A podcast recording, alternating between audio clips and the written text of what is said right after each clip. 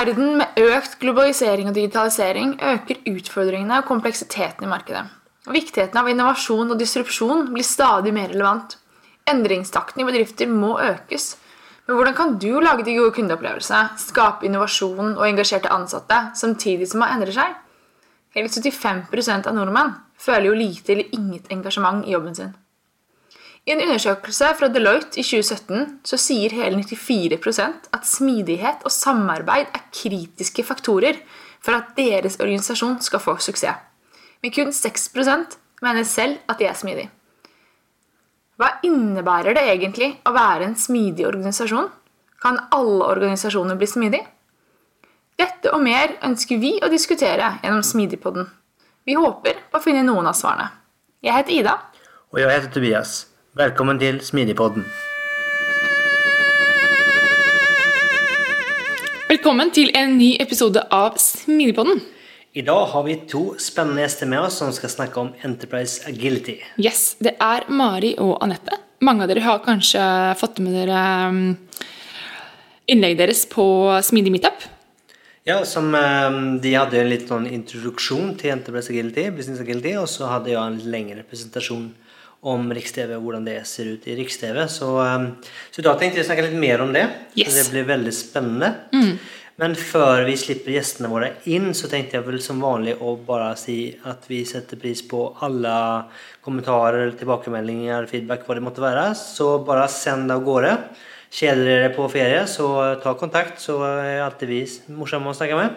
Så send dere inn. Og øh, hvis dere syns at dette var en bra episode, så gir det gjerne en uh, like, en stjerne eller hva det måtte være i den appen dere bruker. Og så del det med kollegene. Det må være lov å plage dere litt med gode podkast også i ferien, tenker jeg. Så syns dere at det er noen som burde høre på denne episoden, så del den veldig gjerne. Mm. Men jeg tenker at da er vi egentlig klare for å slippe inn gjestene, så vær så god, her kommer våre gjester.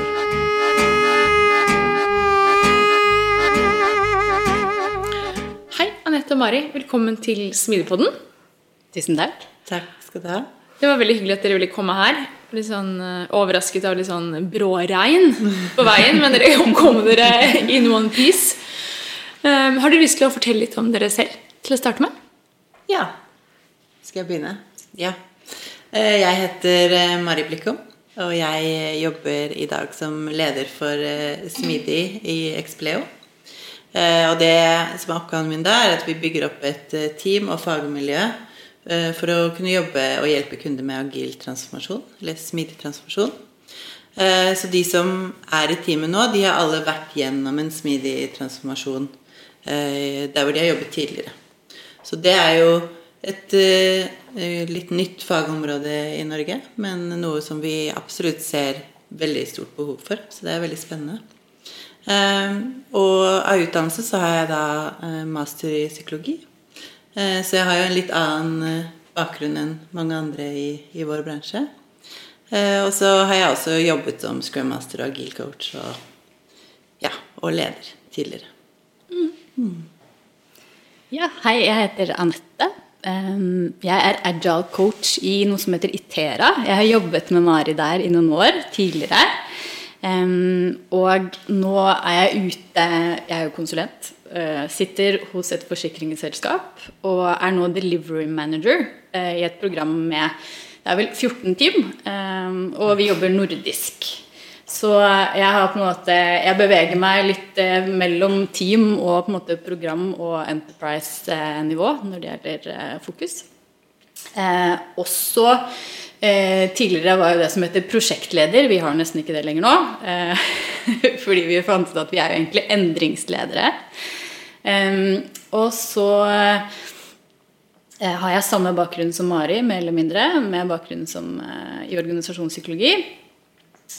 og startet min karriere med syv år i staten, i Statsbygg. og ble kjent med bygg- og eiendomsbransjen. Jeg jobbet med organisasjonsutvikling og HR der, faktisk. Så det er på en måte mitt utgangspunkt. Eh, og da ble jeg kjent med Lean og Lean Construction. Og så eh, havnet jeg inne i sånne IT-prosjekter. Og derfra balla det på seg. Og så havnet jeg som prosjektleder sammen med Mari i Tera. Mm. Spennende. Det har jo virkelig en litt sånn annerledes bakgrunn. Kan du liksom kanskje si litt mer om det? Hvordan det liksom ja, hvordan det, For det har kanskje opp, det liksom endra seg litt i bransjen nå. At man kanskje liksom at I starten kanskje det var litt mer uvant, men så kanskje det har liksom sakte, men sikkert blitt vanligere? Er det liksom, er, den, er det enig i den refleksjonen? At det liksom eh, psykologiutdanna liksom kommer inn i ulike roller på ulike steder, og, og, ikke, og ikke bare i Smidig, men også andre steder, og at det, det er noe dere møter og får mer forståelse for? Mm. Ja, Det første området hvor det begynte å komme, var vel litt innenfor UX og brukeropplevelse. Mm. Det så vi jo i TR at de eh, begynte å etterspørre den kompetansen der. Eh, men du har jo rett. Når, I hvert fall når jeg først begynte å jobbe i IT-bransjen, så var det jo ikke så veldig mange som var der med den bakgrunnen som, eh, som vi har, da. Mm. Men ja, nå har det jo kommet nå først med UX, og så nå etter hvert også innenfor agil coaching. Så det er jo veldig positivt. Ja. Og eh, det handler jo tross alt om folk og samarbeid eh, og samhandling. Um, og den dynamikken som, som oppstår når, eh, når, mennesker møtes og skal skape noe sammen. Mm. Og det er jo sånn også moren min spurte meg om da jeg skulle begynne å jobbe i IT. Jeg sa men du kan jo ikke noe om data! eh, men det er jo ikke som om noen som jobber i et eh, team, eh, gjerne kan alt som skal gjøres i, et, eh, i å utvikle software, uansett. Sånn at eh, det er jo det med å gå inn med en viss ydmykhet og nysgjerrighet, rett og slett. Mm. Og, og, gjøre det man kan for å få det til å funke. Og så er det jo masse man må lære seg, rett og slett. Mm. Ja, Eh, når jeg jobbet som prosjektleder, så var liksom filosofien alltid at hvis du får teamet til å fungere bra, mm. så pleier man stort sett å lykkes ganske godt i prosjektet. Så det er jo det å bruke tid på å få et eh, team som presterer og fungerer bra sammen. Mm. Og det tror jeg nok at vi har en del fordel med den bakgrunnen vi har. da, At vi vet hvordan eh, kanskje få folk til å trives og legge til rette for at de ja, har en fin arbeidshverdag. Det er veldig spennende. Altså, jeg, det er veldig, altså, jeg vil nesten si moderne måte å se på, men når, even når dere begynte for For da var kanskje den tankesettet ikke så vel etablert som føler det er mer vel etablert i dag at du skal mm. trives på jobb for å prestere bra, men for ti, ti, år siden så var ikke kanskje helt det der. Nei.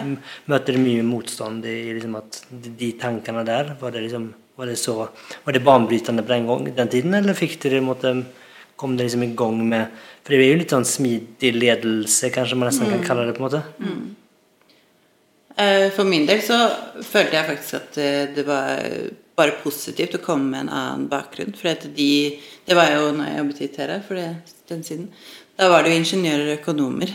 Og jeg følte alltid at folk uh, hørte litt sånn ekstra etter fordi jeg hadde en annen fagbakgrunn enn de. Mm. Så jeg syns nesten det var en fordel å komme med den bakgrunnen. Alle er jo veldig opptatt av fag, mm. så da må man stå for sitt fag og mm. område. Og så må man jo være litt proaktiv da med å finne ut av hvor er det jeg faktisk kan hjelpe til. Så det handler jo om å være litt årvåken og mm. finne på en måte de, det spacet som på en eller annen måte ikke er, er, dekket, og hvor du ser at her kan jeg faktisk være verdiskapende. Mm. mm. Vi skal jo prate om Enterprise Agility og kanskje litt Business Agility i dag. Skal vi liksom begynne å kanskje eh, si, rede ut hva, hva er det? Hva er, det, hva er begrepene her? Det er liksom mye, mye begreper. og var, må jeg anerkjenne det at jeg kanskje ikke selv var liksom helt, uh, helt sikker på måte definisjonen og hva som er forskjellen og, og hva som er hva her. Du hadde jo liksom åpenbaring ja, litt åpenbaring etter at du snakket med Anette og Mari første gang. Ja, ja. At det her, er, det, her er, det her er det jeg egentlig prater om. Shit, ja. men, men, det visste jeg kanskje ikke helt. For jeg liksom kanskje litt, litt, kommer kanskje inn på det, men litt sånn disconnect. At jeg, jeg har alltid ment at smidig er noe mye større enn en, en Scrum og, og, det som teamet driver med. Men, mm. men det er kanskje ikke Så det, vi, kanskje dere skal få forklare hva, hva, det er vi snakker om her, eller hva vi skal snakke om i dag. Mm. Altså, det handler jo om at eh, organisasjoner evner å snu seg kjapt. Rett og slett. Mm. Eh, det skjer nye ting hele tiden. Og eh, hvordan eh, er vi robuste, eh, og hvordan greier vi rett og slett å møte de nye utfordringene som kommer, til syvende og sist. Eh, og så er det det med å se på eh, hvordan, eh, hvordan skaper vi mest mulig verdi med de ressursene vi har. Mm. og så Hvis man tar det lenger ned, så handler det om at business agility er jo veldig mye om produktutvikling. ikke sant? hvis vi, eh, vi skal tjene mest mulig, eller få til mest mulig, med minst mulig. Det er det. Um, og så knyttes jo det gjerne kanskje til det vi tenker på som sånn uh, large scale, liksom agile, uh, liksom, i form av liksom scrum um, liksom, ja, måter, å, måter å organisere um, IT-organisasjoner på, da, og samarbeid med, uh, med forretning. Og så, hvis vi tar det opp på enterprise-nivå, så handler det om hvordan får vi dette mindsettet, denne måten å jobbe på, ut i hele organisasjonen. Og da ønsker vi å ha med oss både sant, hvordan budsjetterer vi? Dere har jo snakket om beyond budgeting før. Mm. Finans. Mm. Hvordan får vi med oss HR? Rekruttering. Um, litt sånn kompetanse, strategi eh, organisasjonsbygging Um, og helt opp i, i, ledelsen. For det er jo på en måte toppledelsen som må drive eh, denne si, eh, agile reisen. Mm. Det handler ikke om eh, det handler ikke om IT, rett og slett. Det er det, er det store bildet. Um, og IT er på en måte en del av de samlede, det vi kaller på en måte kapabilitetene måte, organisasjonens evner, som består av um, både de folka de har, og de ressursene og prosessene de, de har. Um, mm. Mm. Ja, det er veldig viktig det du sier i forhold til å, å få med ledelsen. Hvis man skal uh, gå fra en mer tradisjonell uh, struktur til en mer smidig uh, struktur, som vi snakker om, som gjør at man klarer å tilpasse seg raskere.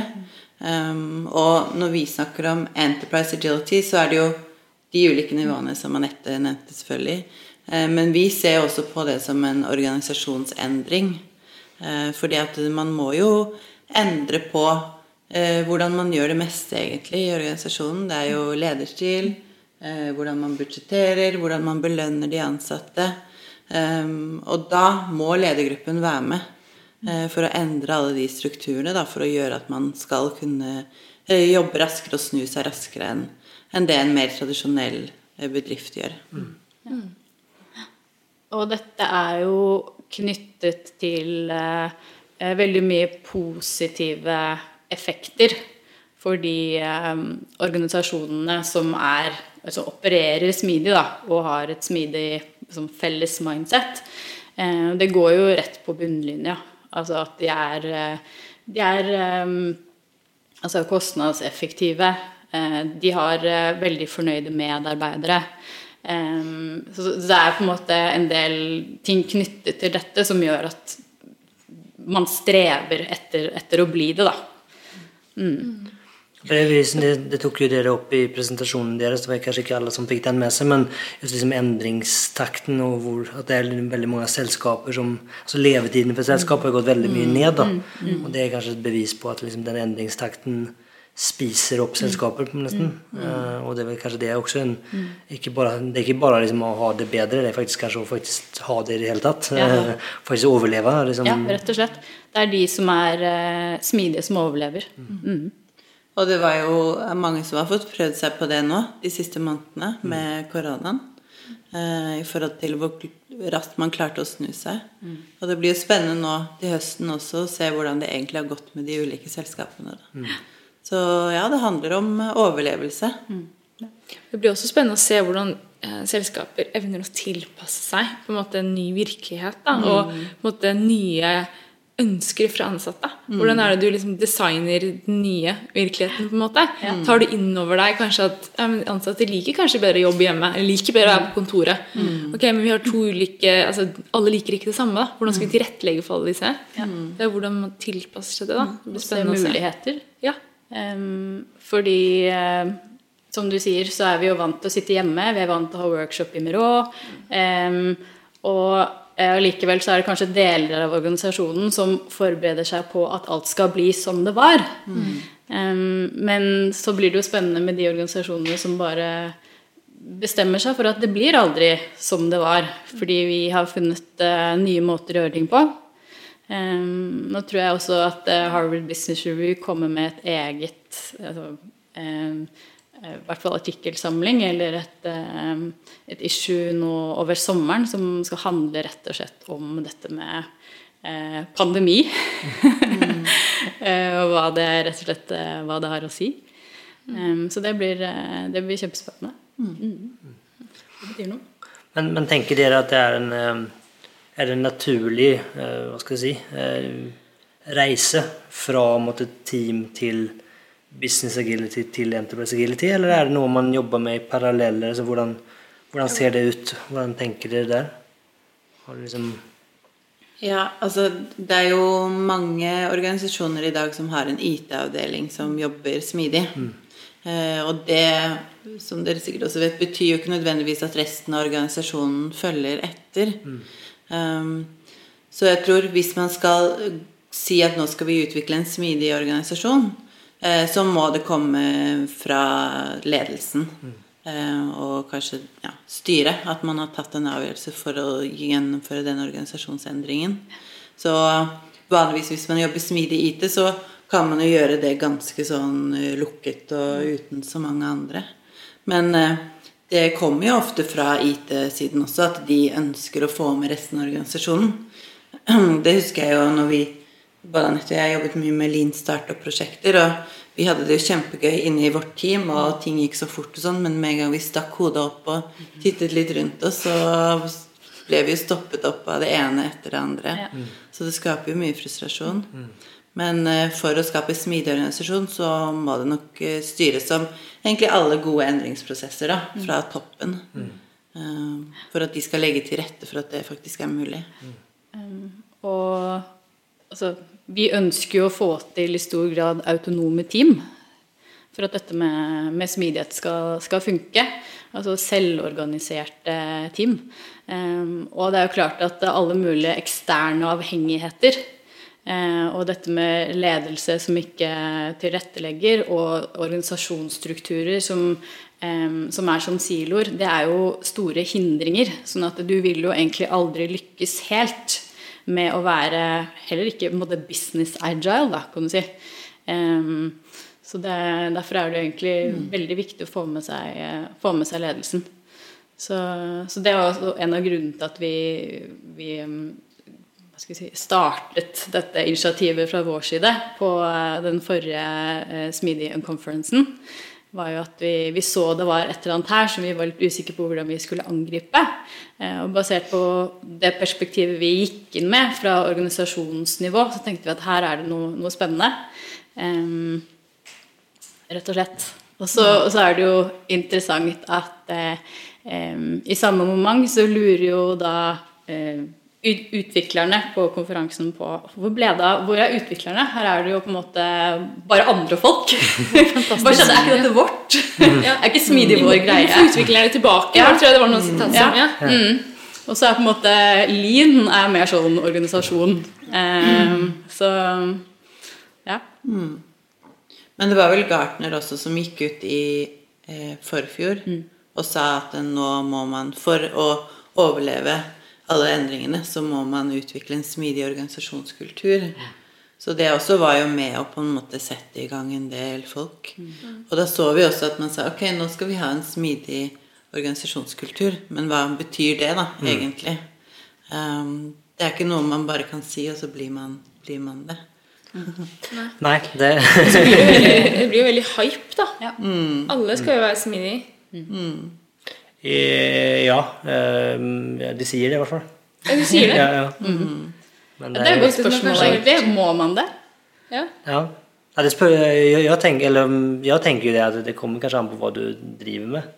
Mm. Jeg tror jo som de som har altså, Nå kan man jo sikkert definitivt um, argumentere at uh, de hadde kunnet gjort ting bedre når de bygde husene her, men, men, men eh, likevel så tror jeg vel kanskje det er noen bransjer som, som er ganske repetitive, og der du faktisk har, eh, har mulighet til å, planlegge, og det kanskje ikke skjer så mye endringer. Mm.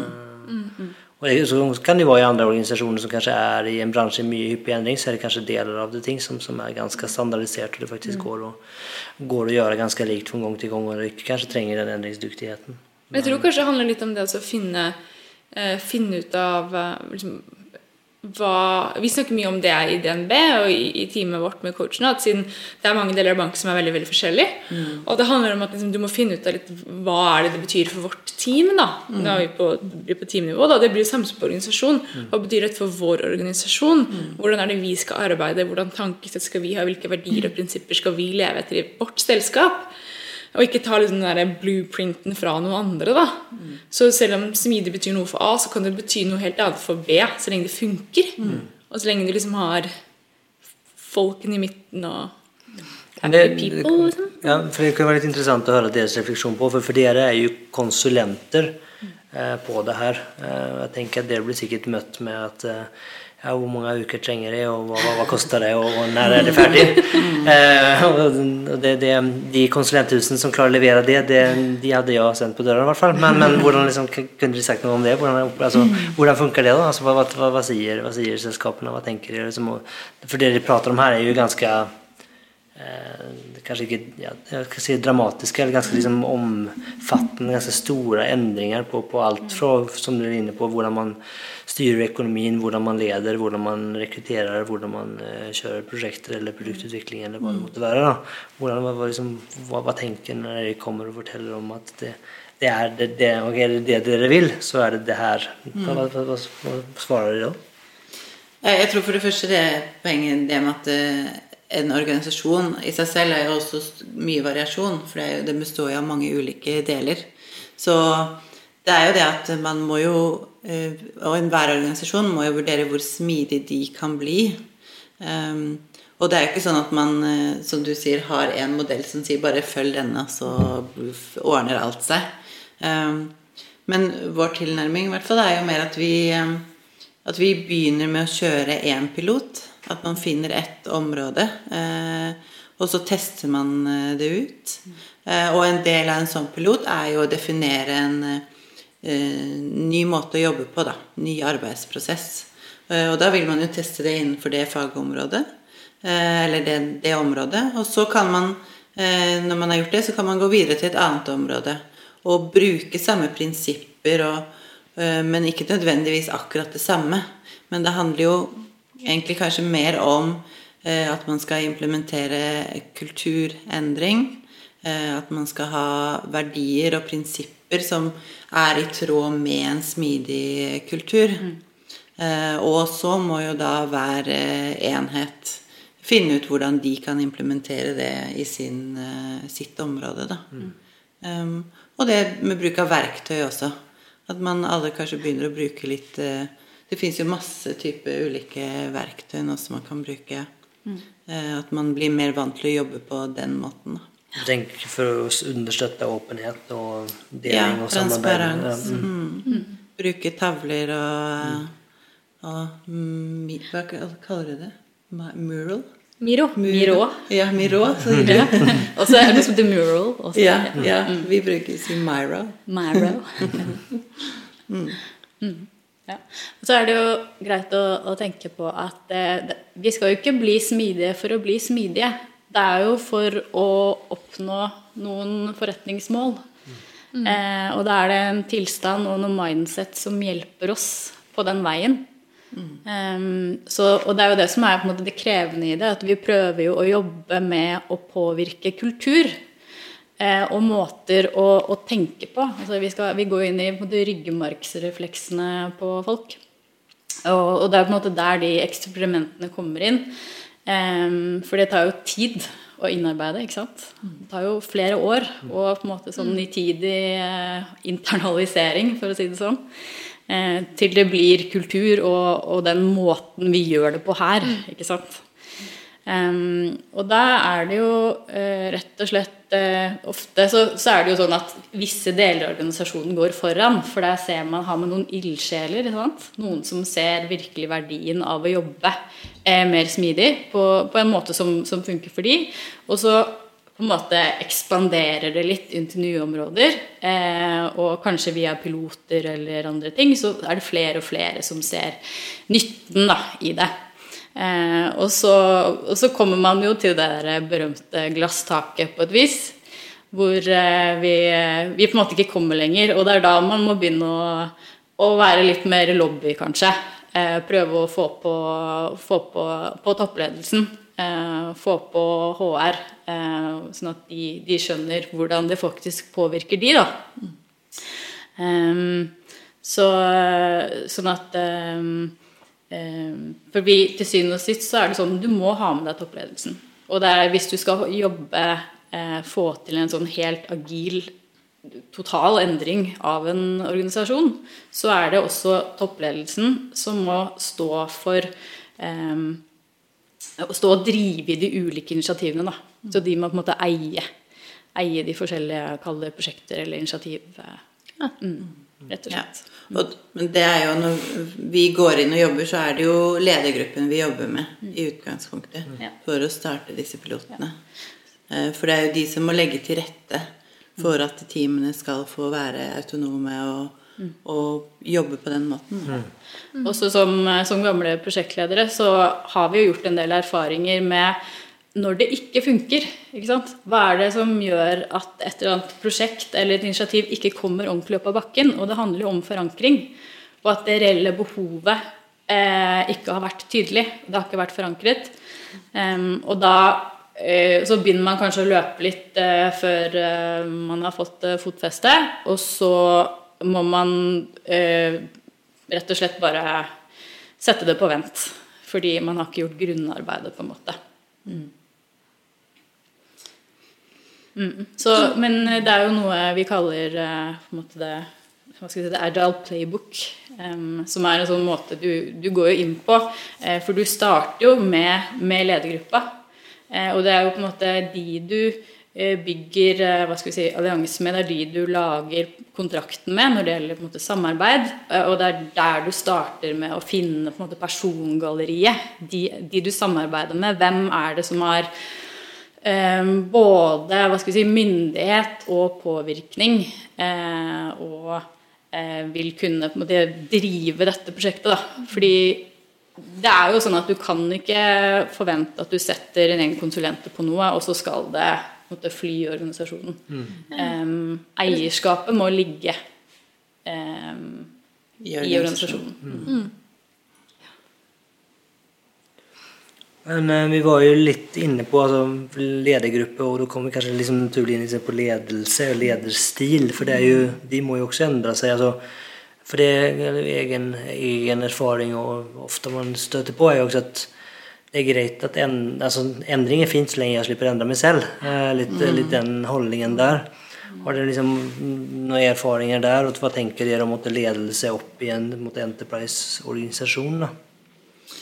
Um, ja, det er jo mm, Det er så Det er vel litt det der med å, å gi frihet til eh, de ansatte. Eh, og mange, mange ledere, eller mer tradisjonelle ledere, er jo Eller endringen har jo egentlig vært fra at eh, tidligere så handlet det om at de ansatte skulle tjene lederen. Mm. Mens nå handler det om at lederen skal tjene de ansatte. Og det er jo et ganske stort skift. Mm. Um, og det er fortsatt ganske mange tradisjonelle ledere i uh, norske bedrifter. Um, så det er vel det å, å, klare å på en måte gi fra seg kontrollen litt, da. Um, og vi så jo det Jeg leste akkurat en ny artikkel vi så vel begge to fra Linda Lai fra BI. Hun hadde uh, gjort litt forskning på fleksibel organisering. Um, og det hun sier, er jo at det, eh, lederen sin nye rolle er å berike arbeidssituasjonen uh, for de ansatte. Mm. Uh, for å få mest mulig motivasjon og ytelse. Mm. Um, og det er jo det man ofte kanskje kaller for servant leadership. Mm. Blir ofte brukt i, i Smeedy. Mm. Og det er en uh, Det er jo egentlig helt det motsatte av det man tenkte på som ledelse før. Mm. Hvor det var lederen som egentlig bare sto og fortalte folk hva de skulle gjøre. Og, og det, det arbeiderne fikk igjen, var lønn. Mm. Ikke sant? De jobbet, og så fikk de lønn. Mens nå ja, krever man jo mm, Forventer jo mye mer. Mm. mm. Eh, og ikke bare det, men det er jo også en stor kamp om å få eh, ansatte. Mm.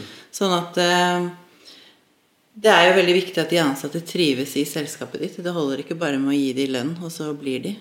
Så det har endret seg mye. Mm.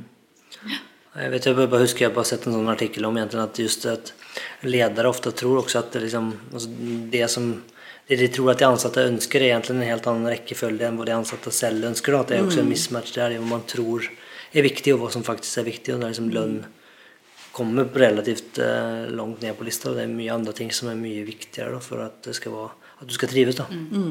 Ja, absolutt.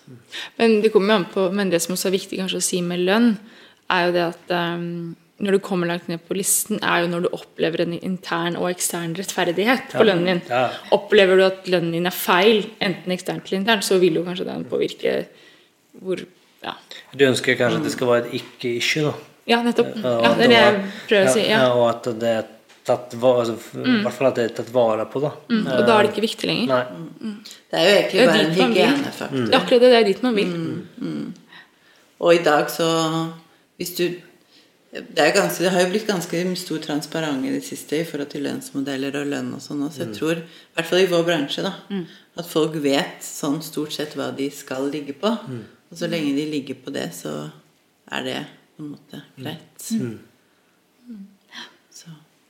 Så det er jo opp til, eh, til selskapene og ledelsen å tilrettelegge for etter dynamiske modeller og finne ut av hva er det som motiverer folk. Skal vi skli over litt på, um, på, på, kanskje på mål? At det er også kanskje naturlig når vi snakker ledelse, så er det også noe med å, å sette mål og viktigheten av, av mål. Har du noen, noen liksom, tanker der? Ja, altså eh, Det er jo en ganske viktig ting, spesielt for eh, sånne autonome eller selvorganiserte team. Da. Du må jo ha tydelige eh, altså prioriteringer. Eh, Så mål, eller i hvert fall si, visjon eh, Hva er, eh, liksom, eh, hva er det vi ønsker å oppnå? Det må være tydelig. Og så eh, skal det jo være frihet til å finne ut selv av hvordan skal vi komme dit. Så det er liksom the why må være tydelig, og så er det liksom what and how. er liksom up for discussion. Ja, og dette er jo også en stor endring fra mer tradisjonell ledelse, hvor du kanskje kjører en strategiprosess for å sette målene for året, eh, og så blir de satt, og dette er det vi skal oppnå i år, og så blir kanskje den bare lagt i en skuff, og så er det ingen som ser så mye mer på den før på slutten av året. Mm. Mens mer i en smidig organisasjon, da, så handler det jo om å å kunne kommunisere de målene mye tydeligere. Og, og det er kanskje i tillegg til å legge til rette Eller det er jo også en del av å legge til rette for arbeidshverdagen for de autonome teamene. At de må vite hva det er de skal jobbe mot, og hva det er de skal oppnå. Så det har jo blitt en mye mer viktigere lederrolle, eller del av lederrollen, å kunne sette tydelige mål og kunne kommunisere de eh, hele tiden. Sånn at folk vet hva de skal jobbe mot. Så du må jo balansere det med eh, hva skal vi si, tydelighet og det med struktur mot det å være sånn disruptor da, som leder i på en måte de nye si, komplekse organisasjonene. Ehm, så det er en, en krevende balansegang. Det er mange som uh, i det siste liksom har veldig sånn dyttet OKR-er foran i den løypa. Liksom det er svaret på hvordan du skal sette mål i en organisasjon. Hva, hva tenker dere rundt det? Og liksom, Vi har jo en del erfaring med å jobbe med OKR-er. Um, variert erfaring, egentlig. Men uh, vi bruker det mye i Expleo. Det gjør vi. Um, fordelen med OKR-er er jo at man revurderer i hvert kvartal. Sånn at nå i forbindelse med koronaen f.eks. så gikk jo vi akkurat da inn i et nytt kvartal også, så da kunne vi jo justere på planene våre ganske raskt. Um, så jeg syns i hvert fall det fungerte veldig bra da, i forhold til å kunne få en større fleksibilitet da, og kunne snu oss raskere enn det vi vanligvis kanskje ville gjort hvis vi hadde mer sånn årlige mål, og ikke den type kadens eller måte å jobbe på. At vi hele tiden revurderte målene våre. Um, og så er det jo masse, mange flere store bedrifter som mener at uh, den måten å jobbe på er liksom grunnen til deres suksess. Eh, Google er vel den som er det mest kjente som går foran innenfor det. Så jeg tror absolutt det har noe for seg. å jobbe på den måten. Det kommer litt tilbake, vi har jo pratet tidligere i, poden podden om tight, eh, loose tight versus loose tight loose. Og det er jo liksom med OKR-en så er du ganske, du er veldig tight på, på hva du skal oppnå, eller liksom, målet. Ja. Og så er det jo egentlig veldig teit på hvordan den ser ut, altså resultater. Du, Men så sier det egentlig ingenting om hva du, hvordan, hva du skal gjøre for å oppnå det. Mm. Så det er klart det tvinger jo, tvinger jo ledelsen til å være bedre ledere, på en måte. Så, så det er jo klart en fordel. da. Så skal det vel sies at sette mål er jo veldig vanskelig. da. Det er veldig vanskelig. Og det er veldig vanskelig å gjøre de målbare. Det er vel det vi har slitt mest Ja, med. ja. Hvordan er vi på vei, eller hvordan vet vi at vi er på vei dit vi vil? Ja. Hva er gode parametere på det? Em, så det er mange ting vi måler for å måle. Uh, og så er det kanskje reaktivt, og det gir ikke så mye uh, liksom visdom eller, eller kunnskap uh, for fremtiden. Em, så, så det er jo derfor f.eks. på teamnivå da, eh, at vi, vi utfordrer jo teamene selv til å finne måte, de parametrene som, som sier noe om hvor godt de leverer. Eh, hvor god kvalitet de leverer med. Eh, eh, men at man kan lage noe på en måte overordnede på f.eks. programnivå, organisasjonsnivå, som, som sier noe om eh, liksom, vi, slutteffekten av det. Om det er på en måte Retningen. ja, Mm. Ja, for det er et viktig poeng. Det der, fordi det er jo mange som er skeptisk til å skulle måle alt hele tiden nå. Men det er viktig poeng det der med at teamet må jo være de som setter uh, de målene selv. Sånn at de ser at dette Eller de måler det de ønsker å måle. Og at de ikke føler at det er noen andre som sier 'nå skal vi måle det og det'. Og så, for da blir det vel mer en følelse at noen prøver å kontrollere de, enn at de selv jobber mot uh, noe de ønsker å oppnå eller endre. da. Og det tenker jeg også krever et mind, eh, mindset-skifte, for det er jo det er ganske altså Det er kanskje enklere å bare gjøre ting enn å faktisk se at du gjorde ting som kanskje ikke ga noen verdi. Den er jo ganske røff, da. Eh, Så du må jo liksom få det mindsetet du liksom blir trigget av at faktisk finne de oppgavene som løser problemet eller kunde, kundepainen, og ikke bare være fornøyd for at du har gjort noe. Og det er det jeg føler at man, liksom, kanskje, man er veldig trent på at det viktigste er at du har gjort noe. Så hva, hva, hva om det gav noe verdi? Det er ikke så nøye, kanskje. Og det er klart, begynner du å måle ting, så kan du jo kanskje innse at mye av det du har lagt veldig mye tid og kjærlighet på, kanskje ikke faktisk gav noe verdi, da, og den er litt røff, da. Det er skummelt. Eh, nå er det jo sånn at eh, det er jo i kjernen av dette med en smidig kultur er jo en, å være en lærende organisasjon. Eh, og det å ha kjappe feedback-looper og justere seg ut ifra det. Og da er det jo det med feedback-kultur, da. Eh, hvordan gir vi hverandre feedback? Eh, hvordan reagerer vi på feedback? Og at vi greier å gjøre det trygt. Så ja. Det sier også mye om en organisasjon. Absolutt. Em, hvordan ser det, som om vi går sånn tilbake til enterprise uh, agility, hvordan ser en sånn organisasjon ut rent strukturmessig?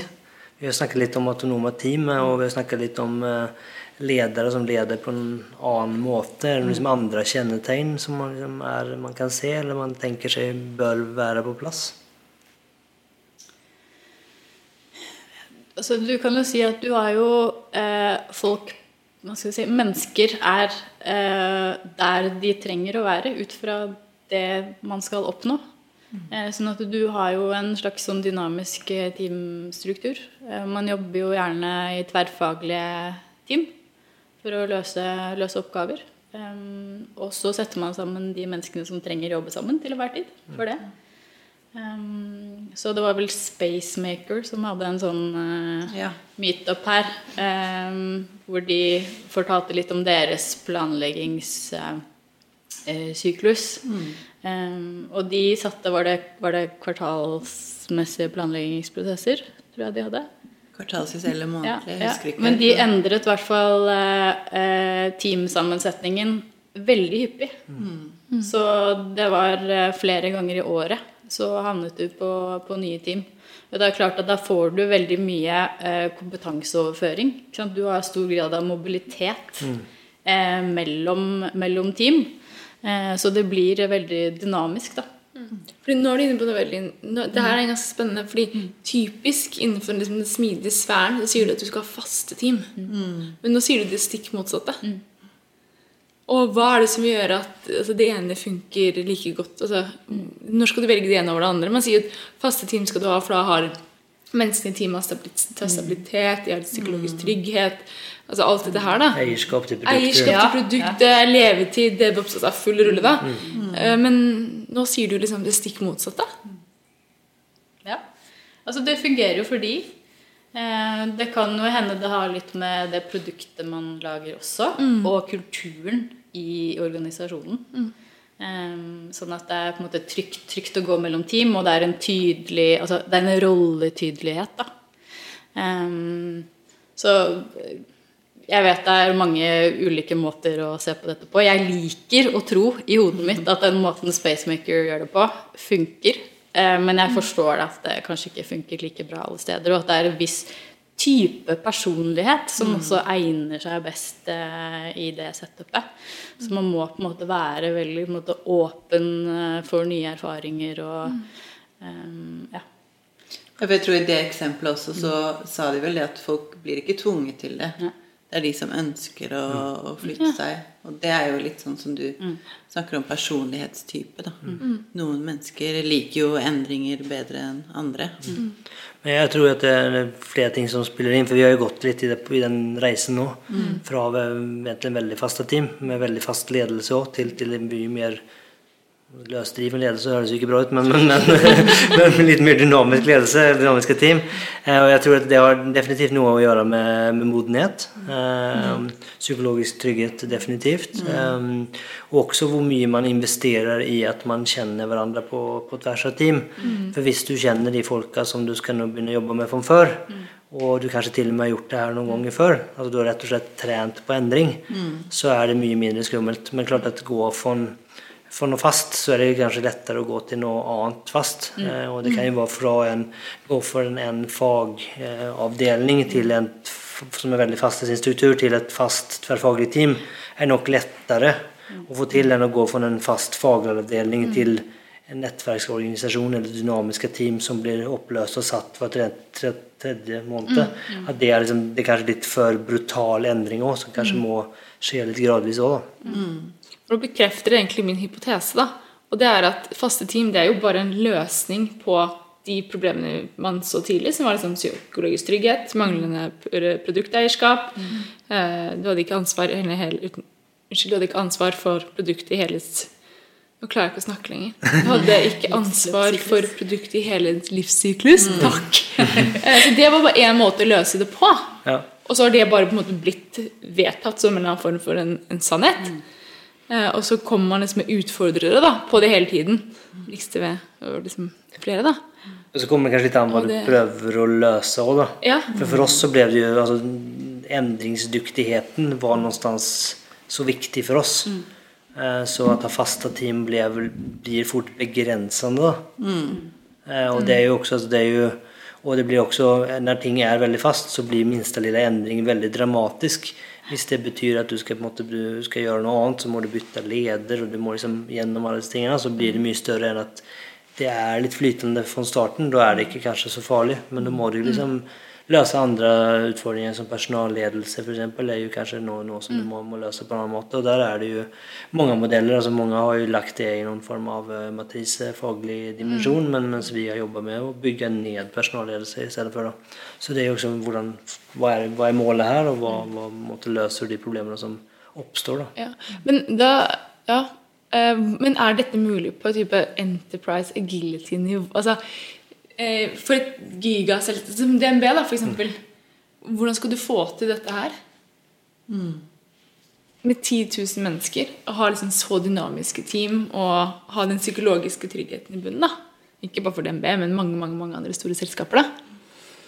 Ja, det, det er jo i hvert fall veldig knyttet til organisasjonskulturen. organisasjonskulturen. Altså, man må jo bygge en brukertid på å bygge en sånn type kultur hvor eh, man har psykologisk eh, trygghet i bunn. Og så eh, Nå vet jeg ikke om det er akkurat svaret på det, men jeg tenker på det i forhold til ledelse i en agil organisasjon også. Det er jo et eh, veldig interessant punkt, fordi på, man, på en måte så får du jo veldig mange flere ledere når du skal jobbe i autonome team. Fordi at egentlig nesten alle blir en leder i et autonomt team. eller sånn. For man har jo ansvar for seg selv. Um, og at man har jo mye mer mandat i forhold til hvordan man ønsker å fordele arbeid og, og sånt. Eh, og det at kanskje den tradisjonelle tunge ledergruppen kanskje ikke er behov for de på samme måte lenger. Um, så det blir jo ja, I forhold til store konserner så jeg tenker sånn, det, må jo, det, må hel, det må jo være en omstrukturering eh, på hele organiseringen også. For å legge til rette for det. Og så i forhold til skalering så blir det jo Ja. Det blir jo bare å, å multiplere, på en måte. Altså få danne nye team. Og så er det jo ulike måter ut ifra ulike typer modeller i forhold til hvordan man kan koordinere seg da, mellom de ulike teamene. Når man ikke har de tradisjonelle kanskje ledergruppene på samme måte som det man hadde før. Så kan man ju tänka sig att du finner andra strukturer. Alltså istället för att organisera sig runt fag så är det kanske en forretnings, mm. en forretningsområde, en värdiström eller et eller annet. Da. Og at, det, at du innenfor de, Du får kanskje flere fler bedrifter i bedriften og innenfor de mindre bedriftene så er de kanskje ikke så store. Ja. Og de mm. kanskje kan kjenne hverandre godt ja, ja. og være mer dynamiske, og sånne ting, men da må du kanskje bryte, bryte, bryta upp, bryta upp lite kanske. Ja, Det blir på en måte den tribe-modellen. At du har eh, på en måte en, en svær gjeng med folk som har et sånn stort overordnet langsiktig mål og fokus. Mm. Mm. Og så har du på en måte squads eller grupperinger eh, under det igjen, da. Mm. Med mer kortsiktige mm. mål. Mm. Mm. Ja. Men så er det jo ikke sånn at alle nødvendigvis behøver å organisere seg likt. Um, vi, eh, hos oss så har vi en coach som har jobbet i ING i Tyskland. De har jo transformert hele banken. Og der uh, opererer de jo med tre ulike modeller ut ifra hvilke områder de har ansvar for. Da. Mm. Så det er ikke sånn at alle jobber som en tribe mm. eller Man jo, ser det ut ifra hva slags type fag de jobber med, og så organiserer de seg da. De har bestemt for tre ulike måter man kan organisere seg på. Mm. Så det vil nok være variasjon innenfor et så stort selskap mm. uansett. Mm så er det sånn at det er ikke sikkert at alle deler av et selskap trenger å være så supersmidig. Så mm. det er kanskje ikke absolutt alle som, eh, som trenger å jobbe i tverrfaglige team, eh, eller for den saks skyld trenger å sitte i åpent landskap, for det jeg vet. Altså, sånn, det er jo mm, Du må på en måte bruke hver, hver person til det beste. Mm. Um, så så det er jeg jo litt opptatt av. Da, at vi skal ikke drive og være rett og slett sånn supersmidig eller agile for å være agile. Ehm, det er fordi at det er, det er sånn det funker best. Mm. I så fall. Ja. Og det vi har jo opp igjennom diskutert i Riks-TV òg, er jo at uh, vi hadde jo I starten var det veldig liksom kundefokus, mm. så da var jo alle tenkte jo at de servet kunden, og kunden i vårt fall var jo sluttkunden. Mm. Men det har vi liksom kanskje skjønt litt etter hvert at det er jo faktisk ikke alle som gjør. men mange er jo mm. støtteteam eller mm. støtteorganisasjon og har interne kunder.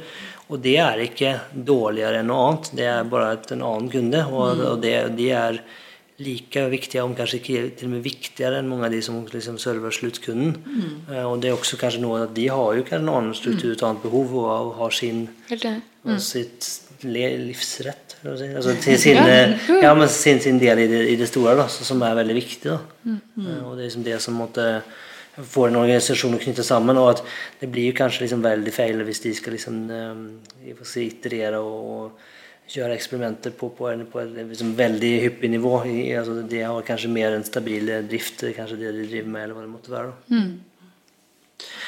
Eh, så tiden eh, løper veldig fra oss. Når vi, eh, så jeg tror vi skal begynne å Så spennende. Det er veldig spennende. Så jeg tenker vi kanskje begynner å runde av. Eller liksom før vi går på de siste spørsmålene, er det noe dere føler at vi må innom før vi liksom hopper dit? Du har noe på hjertet? Ja? Nei, det går opp min del. Nei. Det er så svært, vet du. Det var bare snakk om alt mulig rart, egentlig. Ja. Mm. ja, men så bra. Skal vi gå til siste spørsmål? Det gjør vi. Så da begynner vi med en ganske så, så dyp, eh, men interessant spørsmål. Nå har jo dere fått mye, mye spennende erfaring her, så, men hva hadde dere fortalt dere 20 år gamle dere selv? Altså, Man er aldri ferdig utlært. Det er noe med det. Eh, når du er 20, så har du kanskje en eh, tanke om at jeg skal studere sånn, og da er jeg det. Eh, og det du studerer, er bare starten på noe. Og så fortsetter du å lære. Så eh, slapp av. Ja, når jeg var 20 år, så var jeg overbevist om at jeg skulle bli barnepsykolog. Så det er jo et ganske langt steg fra der jeg er nå. Så det er litt sånn samme som Anette sier, at veien blir til eh, som en går. Og så eh, er det Og spesielt i dag, hvor eh, ting endrer seg så fort, så er det jo ikke sånn at nødvendigvis du tar en utdannelse, så er det det du skal jobbe med resten av livet. Så det er mm. Ja, det er vi vel alle fire her bevis på, at det ikke er sånn det, sånn det er. Neste spørsmål. Hva mener dere kjennetegner en god leder? Ja, interessert, rett og slett. Det må det være. Interessert i å forstå og sette seg inn i ulike perspektiv. Og åpen. Ja. Transparent. tenker jeg er kjempeviktig. Jeg blir veldig motivert hver gang jeg hører om selskaper som har sånn ledelse hvor de deler alt med de ansatte uten Det fortalte jo du om i Riks-TV også. Uten at man skal være nervøs for at informasjonen går videre. Og det også En annen ting som jeg også er viktig med, opptatt av når det gjelder ledere, er at man forstår at man er en rollemodell. Og det er spesielt viktig også i en agil transformasjon. At eh, når man Folk ser jo opp til lederen, og de ser jo hvordan den personen oppfører seg. Og, så de, man har nok ofte større påvirkning enn det man er klar over. Være bevisst på det er, er viktig. Gode, gode refleksjoner. Um, om vi skal liksom ha um, noen tips på hvordan man skal etablere en mer Vi skal liksom ut på Enterprise Agility-reisen her. Hva, hva, hva gjør vi? Hva, hva tenker dere? Skal liksom prøve å oppsummere det? Um, uh, det, er jo, altså, det er jo både å starte det små og det store. Altså, eh, finn folka dine, eh, som vi pleier å si. Finn de som er interessert og har lyst til å være med og teste noe. Og lag et eksperiment hvor det er tydelig på hva dere vil oppnå, og hvordan dere måler at dere er på vei dit. Og på en måte vis resultater og del det. Og så er det selvfølgelig det med sant? Ta en kaffe med en i toppledelsen. Sånn. Eh, få de til å bli interessert i på en måte si, Både sånn Agile Manifesto eller altså, Få de til å kanskje skjønne hvordan dette med smidig eh, angår dem. Rett og slett. Det er ikke noe akkurat som jeg kjente på at det er liksom data. Det er ikke noe jeg kan lære meg. Jeg har ikke studert det. Det er bare for de gutta der. Um, men at eh, det er liksom med agile. Det, er, eh, det angår alle, rett og slett. Det er veldig viktig det du sier i forhold til å fokusere på de som har lyst. Altså ta de som er interessert i å prøve å endre seg. Fokusere på de, ikke på de som eh, ikke er så veldig interessert i å endre seg. Eh, Men også det eh, tenker jeg er viktig hvis man skal, hvis man skal endre selskapet. Liksom veldig grunnleggende ting er jo å begynne å se på verdiene man har i selskapet. da legger de til rette for at man skal kunne jobbe smidig. Og også belønningsstrukturene. Det er litt sånn Jeg har erfart det noen ganger. At man prøver å endre noe, men så er belønningsstrukturene eh, på en måte som forsterker eh, gammel eh, oppførsel eller gammel kultur. Og da er det veldig vanskelig å komme så mye videre. Det må være litt konkret også for noen med hva Hvis man skal jobbe med kultur eller mindset, så bare hva, hva betyr det egentlig? Eh, sånn, hva er det jeg gjør i hverdagen? Jo, du har en retrospektiv. Det handler om å ha en Det bygger opp under en læringskultur. Og så hvor ofte gjør vi det, da? Altså sånn Av og til må man være veldig konkret og leie litt. Det kjenner vi jo til som smidig-coacher også. At vi hele tiden må på en måte fortelle litt om hvorfor vi gjør ting. Så bra. Mm. Nå er vi jo eh, midt i sommeren. Mange har sikkert ferie eller skal ha ferie. Har dere noen bøker å anbefale? Eller podkast, for den sakens skyld. Eller, ja, ja. Dere var inne på noe fra en artikkel fra BI også. Ja.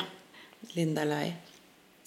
Eh, jeg har ikke fått lest så mye de siste månedene, men jeg har bestilt to bøker nå som jeg skal lese i sommerferien. -hmm. og den ene heter Disse har jeg da fått anbefalt eh, av folk innenfor smidigmiljøet. smidig-miljøet. Så den ene heter 'Leading Digital', mm, som er skrevet av George Westerman. Og den handler om Det er masse historier om hvordan ulike selskaper har blitt digitale selskaper. Så den skal visst være veldig sånn inspirerende. Han har valgt sånne selskaper du ikke tenker på som digitale i det hele tatt, for å høre om deres endringsreise. Um, og så var det den andre som heter The Leader's Guide to Lateral Thinking Skills. Unlock the creativity and innovation in you and your team. Uh, av Paul Sloan. Og den også skal være masse øvelser, sånn at du kan øve deg selv på å tenke annerledes. Tenke ut av boksen og, og bli mer kreativ. Mm. Så den er visst mer en sånn bok du sitter bare og gjør en del øvelser. Da.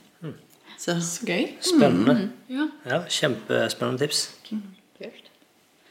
Um, jeg tenker jo at uh, alle bør lese The Phoenix Project. Og det er vel spesielt kapittel syv, er det vel, hvis du skal prøve å liksom fortelle noen hvorfor de må se på verdistrømmene sine. Så er det liksom Les det. um, jeg syns det var uh, det, er, um, det er en god historie. Um, som jeg, jeg, kjente jeg ble litt sånn stressa da jeg leste den, fordi eh, det, er så mye som, som, jeg står i eller har stått i selv. Så, og det tror jeg veldig mange gjør. um, og så er jeg betalende kunde av Harvard Business Review, så jeg koser meg masse inne på den digitale plattformen deres. Um, så The Agile uh, C-Suite er jo en artikkel som kom ut uh, nå. Yeah, uh, på, ja. Mm. Eh, den uh, syns jeg var veldig interessant for hvordan da toppledelsen faktisk har ansvar for å legge til rette for, for agil mindset og agile måter å, å, jobbe og være på. Um, og så fant jeg veldig inspirasjon i den Team of Teams. Det er vel en sånn eh, amerikansk general, McChrystal, eller noe sånt, som, er, som, har skrevet. Jeg har aldri vært i Forsvaret, men jeg syns det var eh, kjempespennende den måten Du kan tenke deg på en måte det amerikanske forsvaret og den kulturen som er der, mm. og det å på en måte slippe opp så mye som de har gjort, og på en måte la alle får lov til å komme til, og det å skape transparens og, og dette med hvordan da eh, de måtte rett og slett satse på autonome team. Mm. Um, som kunne tenke sjøl for, for, å få til det de trengte. Mm. Nei, det var det er boka bok kanskje nesten den som har hatt størst inntrykk på, på, meg og min karriere. faktisk, for det er liksom mm. veldig mm. sånn, uh, just som du sier, og jeg synes det er spennende, for de, de møter jo en um, agil konkurrent, mm. uh, og det er Al Qaida. Mm. Som har små selvorganiserende team. Mm. Og der de, den har den, den hierarkiske, byråkratiske modellen ikke funker lenger. Og jeg syns det er så fantastisk og hvordan de faktisk endrer hele måten de jobber på og tenker på. Det er jo en sånn sense of urgency mm. av dimensjoner. Mm. Så jeg tenker sånn hvis de får det til, så får alle det til. Mm. Og han har jo mange fine sitater fra den boken, men en av de er jo 'share until it's almost illegal'. Mm. Og når det liksom amerikanske forsvaret sier det, så tenker jeg da kan, da kan, kan nesten alle dele litt mer, tror jeg, og være litt mer åpne. Mm. Ja. Good. Eh, som siste spørsmål, man har lyst til å snakke mer med dere eller høre mer om det dere jobber med. og sånne ting. Hvordan kommer man i kontakt med dere? Eh, LinkedIn er jo alltid bra. LinkedIn og Facebook. Messenger. Ellers så Ja, Medium også. Skriver litt på Medium. Skriver litt mer med? Ja, det skal vi lenke til. Cool. Så bra. Noen som vil tillegge noe før vi takker for oss? Nei? Nei. Det har vært kjempespennende. Ja, veldig bra. Veldig hyggelig at dere kom. Tusen takk for at vi fikk komme. Yes, Da ønsker vi god ferie, og så sier vi ha det bra. Ha det bra. Ha det.